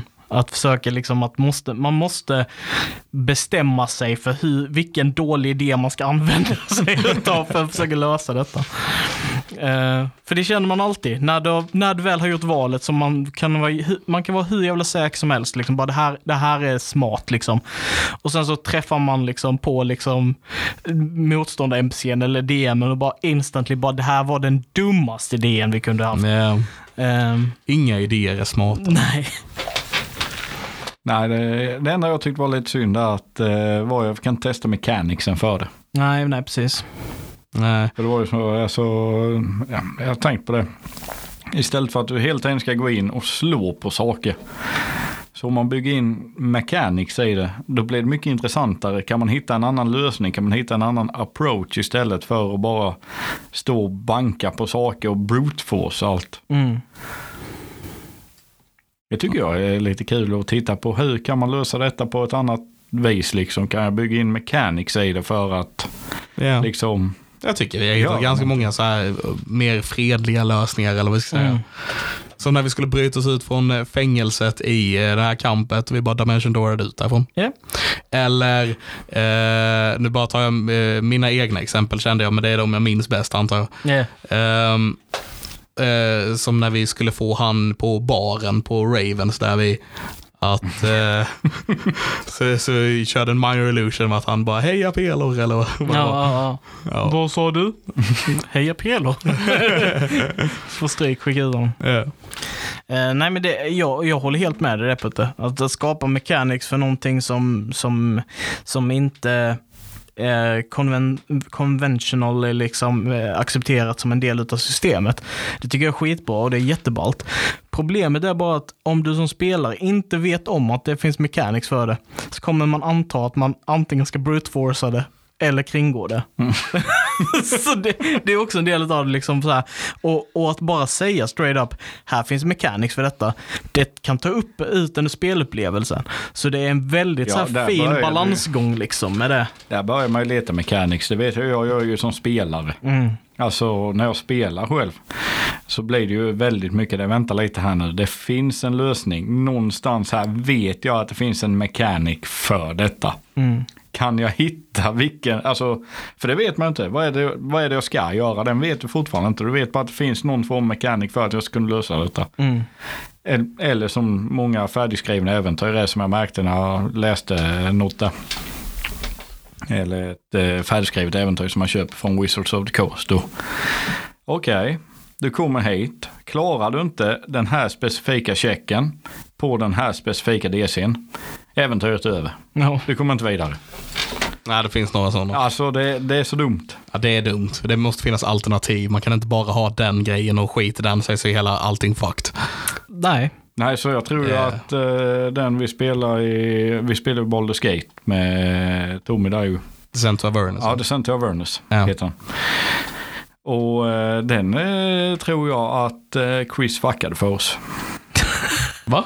Ja, Varför då? Det är hans sköld. Ja, han gav bort. Jag, jag tror att det är en sån där grej som den här jädra skölden. Alltså jag tror, har man inte den så klarar du inte äventyret. Jag är rätt så jädra säker på det. Det- Det var en Solar som var fast i den skölden va? Han sa att han var en Solar. Ja, just det. Men vi vet egentligen inte. Nej, vi vet om att det är en Devil. Jaha, vi vet om att det är Ja. en Okej. Det, han sa att han var en eh, Solar eller en Planer. Men vi fick reda på att han var en Devil. Ja. Eh, och det var därför jag bailade på den. För han sa till mig att han var en Solar och jag bara, ah, okej men det är, en, det är en Celestial, den är god. Jag, jag kan ha den här skölden utan, utan dåligt samvete. Fick reda på att den var en Devil bara, "N- nej vi ska ner i Avernus, jag vill inte ha en sköld av en jävel med mig ner dit. Det känns som en dålig idé liksom. Jag tror det hade varit en bra grej faktiskt nu efteråt. Är möjligt? Ja, nu, möjligt? nu när du säger det. Och speciellt med tanke på vad vi vet om, eh, om solen ovanför Elturell och grejer nu. Ja, ja, ja. Nej, det är bara därför jag Ja. tror att det är så de bygger sina äventyr. Gör du inte de här specifika sakerna, tyvärr kan du inte klara uppdraget. Nej. Därför ska jag bli lite, jag blev lite sugen på att testa Picers Super Dungeon eftersom att den Mm. finns till 5 Okej, ja. För Picer ska ju vara jävligt duktiga på att skriva äventyr. Mm. Jag, jag tror att typ den allmänna reasoningen som du behöver ha som DM liksom, när du gör sådana här grejer är ändå liksom failing forward. Alltså det finns ett, finns ett eh, koncept för det som är, jag tror exemplet som jag har hört när de har pratat om detta är typ Indiana Jones. Du vet första gången han går ner, den klassiska boulder-scenen och hela Ja. den här biten. Då när han springer där så typ ska han hoppa över en gap right. Så vi ser liksom han failar checken. Han kommer inte över på andra sidan. Han landar på kanten. Failing forward. Han misslyckas men han har fortfarande landat på kanten. Ja. Rollar på att klättra upp. Rollar igen. Han trillar inte direkt ner i hålet. Ah, han glider lite längre ner liksom. Och att det får konsekvenser längre fram istället. Som inte är direkt att du misslyckas utan att du har en annan challenge längre fram. Det gjorde ju till och med möjligtvis att han överlevde den scenen för de vi ser. Han som tog sig över utan problem där först. Ja, Han eh, är ju död lite längre fram i Yes. den här eh, dungeonen för att han kanske var för snabb helt enkelt. Yes. Så lite där failing forward som, som jag tror är väldigt effektivt och sen får man inte göra det som du säger att det gör att man får plot armor. För då kan det ju ta ut en helt om karaktärerna inte kan dö när de failar liksom. Och när jag hoppar il någonstans så dör hon direkt. Jag hatar barbarer. Ja, det är gott är det. Eh, Absolut eller så kan man röra en burk och dö bara. Ja. Det är kul. Ja. Alltså finns det, finns det liksom en väldigt god anledning till varför någon dör om de rör vid en burk så, så kommer de dö. Men jag menar, det var ju inte... Nej, jag ska inte... Jag, jag ska inte gå in på detta. Jag hade en karaktär som dog när han rörde vid en burk. Japp, det var min burk. Det var Christians burk. Det råkade vara så, för era kära lyssnare, det råkade vara så att den burken satt fast i en contraption som sög ut själar för att powera en viss form av eh, maskin. Eh, och när han rörde vid burken så blev han en del av den sugeffekten så att eh, maskinen bara sög upp hans själ. Men det var ju inte maskinen som sög upp själen, det var ju kristallerna i taket som... Nej, jag, jag, jag, jag, jag behöver inte... Det, det var en del av maskinen. Ja, Ja. Ja, ska man dö ska man göra det redigt där, i alla fall i spelvärlden. Hur menar du då? Ja men det är tråkigt att dö på grund av att man tar i någonting. Man vill ha lite coolare bortgång där. I mean, sure. Men det är också kul att bara döda av karaktärer. Ja, ja. Man behöver lite character death. Ja, det bör man. Det bör man. Det ja, behöver det är vara någonting vi saknar väldigt mycket av. I Och drakar. Ja. Men det säger du bara för att du vill döda oss. Ja.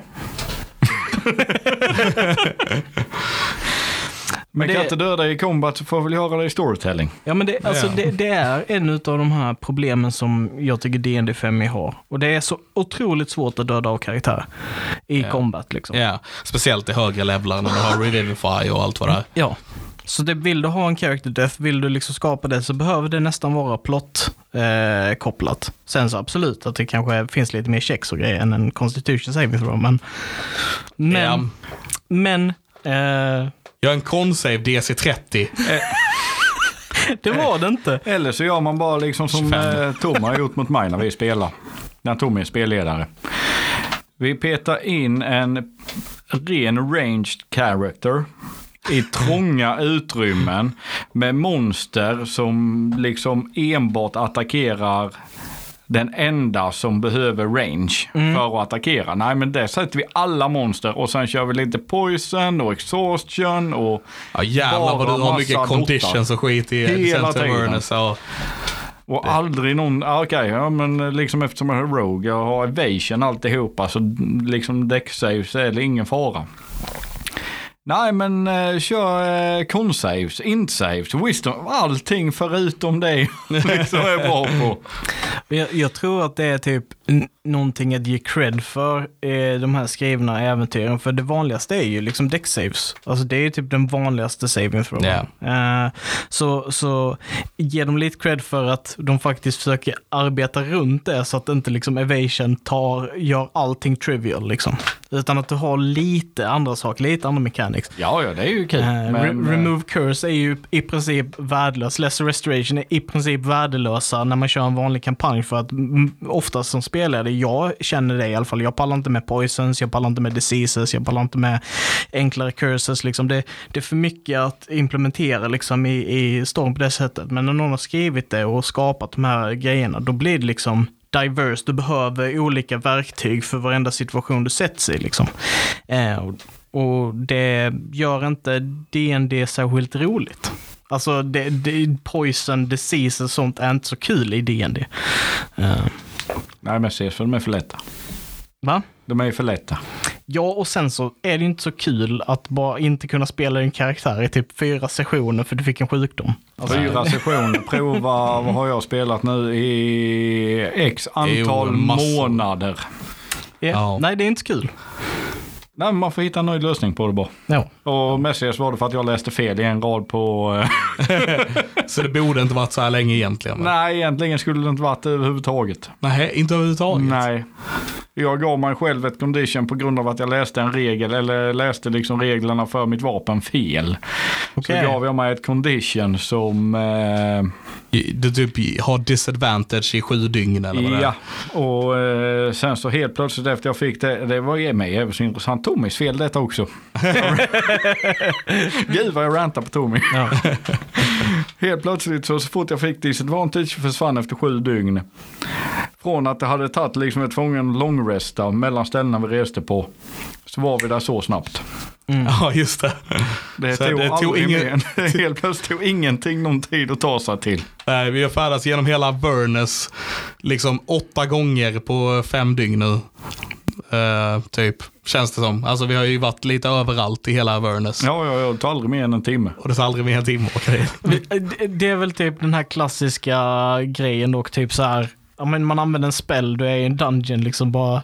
Tid är väldigt, eh, eh, vad heter det, olinjärt när, Ja. du, när du kommer till en dd session liksom. Ja. Håller min spell när jag kommer dit. Jag tror samma sak som DM, liksom bara, hur länge kan jag utnyttja den här conditionen jag satte på en spelare? Men, men detta är ju inte Tommys eh, fel. Liksom. nej, Eller nej, det är ju rätt häftigt att det är faktiskt inbyggt i spelet. Precis, för det är en del av Avernus är att eh, landet skiftar sig så därför så tar det olika lång tid. Så han slår ju en tärning för att kolla hur lång tid det tar att ta sig någonstans varje gång. ja. Och eh, du har ju bara haft väldigt otur Putte, det har typ tagit en timme överallt nu. Ja, jag, jag minns fortfarande typ den här, eh, den här absolute miseryn vi var i när vi fick en jävla snöstorm. Eh, I I helvetet. helvetet. Och ingen kunde träffa, ingen kunde göra någon skada. Liksom. Det var bara, jag kunde inte flyga, jag bara blåste ner med vinden och du kunde inte skjuta pilar, de bara flög iväg i vinden. Ja. Och, alltså det, det var total misery var det. Men sen samtidigt, efter det så känns spelet så mycket godare. För Ja. man har liksom varit igenom the hardship. Ja, ja. Sen när man väl liksom kunde, kan, den dagen jag äntligen kommer kunna spela min karaktär ordentligt. Mm. Då kommer jag dö rätt så snabbt. Jag tror att han kommer avverka mig då. Oh. Ja, vi får väl se kanske. Har vi någonting vi har diskuterat ganska länge, liksom vi, vi har ett långt gott avsnitt här som våra lyssnare kan eh, hugga tag i och lyssna igenom. Gött. Har det någonting vi vill avsluta med att prata om? Vi kommer väl förhoppningsvis efter detta fortsätta släppa lite och drakar va? Ja. Ja, det kommer flera avsnitt av Åkdrakar. Uh, vi kör en liten paus med ett vanligt Nerf avsnitt här. Vi, ehm, kanske kommer några fler i framtiden. Eller det kommer ju fler i framtiden, men eh, vet inte riktigt när. De vanliga avsnitten är inte riktigt uh, superplanerade just nu. Nej. Ehm, Det kommer ju komma ut lite andra specialgrejer lite senare också. kommer lite andra jag. specialgrejer senare, absolut. Vi har väl pratat om lite one-shots i andra spel och sånt där har vi nämnt lite grann. Eh, det kommer ju hända någonting i oktober eh, som vi inte pratar riktigt om ännu sådär va. Nej. Ehm, men det kommer hända någonting då. Ja, det kommer hända lite saker framöver förhoppningsvis. Jajamän. Mm. Eh, så det har ni att se fram emot även om ni inte vet vad det är för någonting. Yes. ja. Men eh, ja, ska vi ta och avsluta där då? Vi tar och avslutar. Ja Mina avslutande ord är bara för er där hemma som vill ha något lätt, enkelt, brutalt gorigt och mörkt som in i helvete. Plocka upp eh, en kopia utav Mörkborg eh, och spela en session med det. Rollspel. rollspel. Väldigt kul, svenskapat, brutalt, mörkt, ondskefullt. Härligt. Ja. Eh, jag vill avsluta med någonting som eh, vi borde börjat med egentligen. Eh, och det är att säga spoilervarning på det här avsnittet. Spo- spoilervarning, ja. Det känns bra att avsluta med det. Yes. En, ett varningens finger. Ett varningsfinger. Jag vet, jag tar det nu när vi har sagt det och så lägger jag det innan introt. Okej, ja. Kör på det. Det gör vi. Kör på Det det. blir bra. Ja. Har någonting, av, några avslutande ord på det? Fortsätt lyssna på Nerd Friendly. Och gärna Friendly och Drakar också som jag normaltvis är en eh, del av. Detta var första gången och det var väldigt intressant. Eh, Ja. ja, Jag känner mig väldigt naken. du, du har kläder på dig, men eh, gör dig hörd, var en nörd, lämna, lämna ingen oberörd. oberörd. Eh, och ja, ni hörde Putte, gör som man säger och så tackar vi för den här gången och så hörs vi nästa gång helt enkelt. Tack så mycket. Ha det gott. Puss det på gott. gumpen. Hej! Hej. Hej.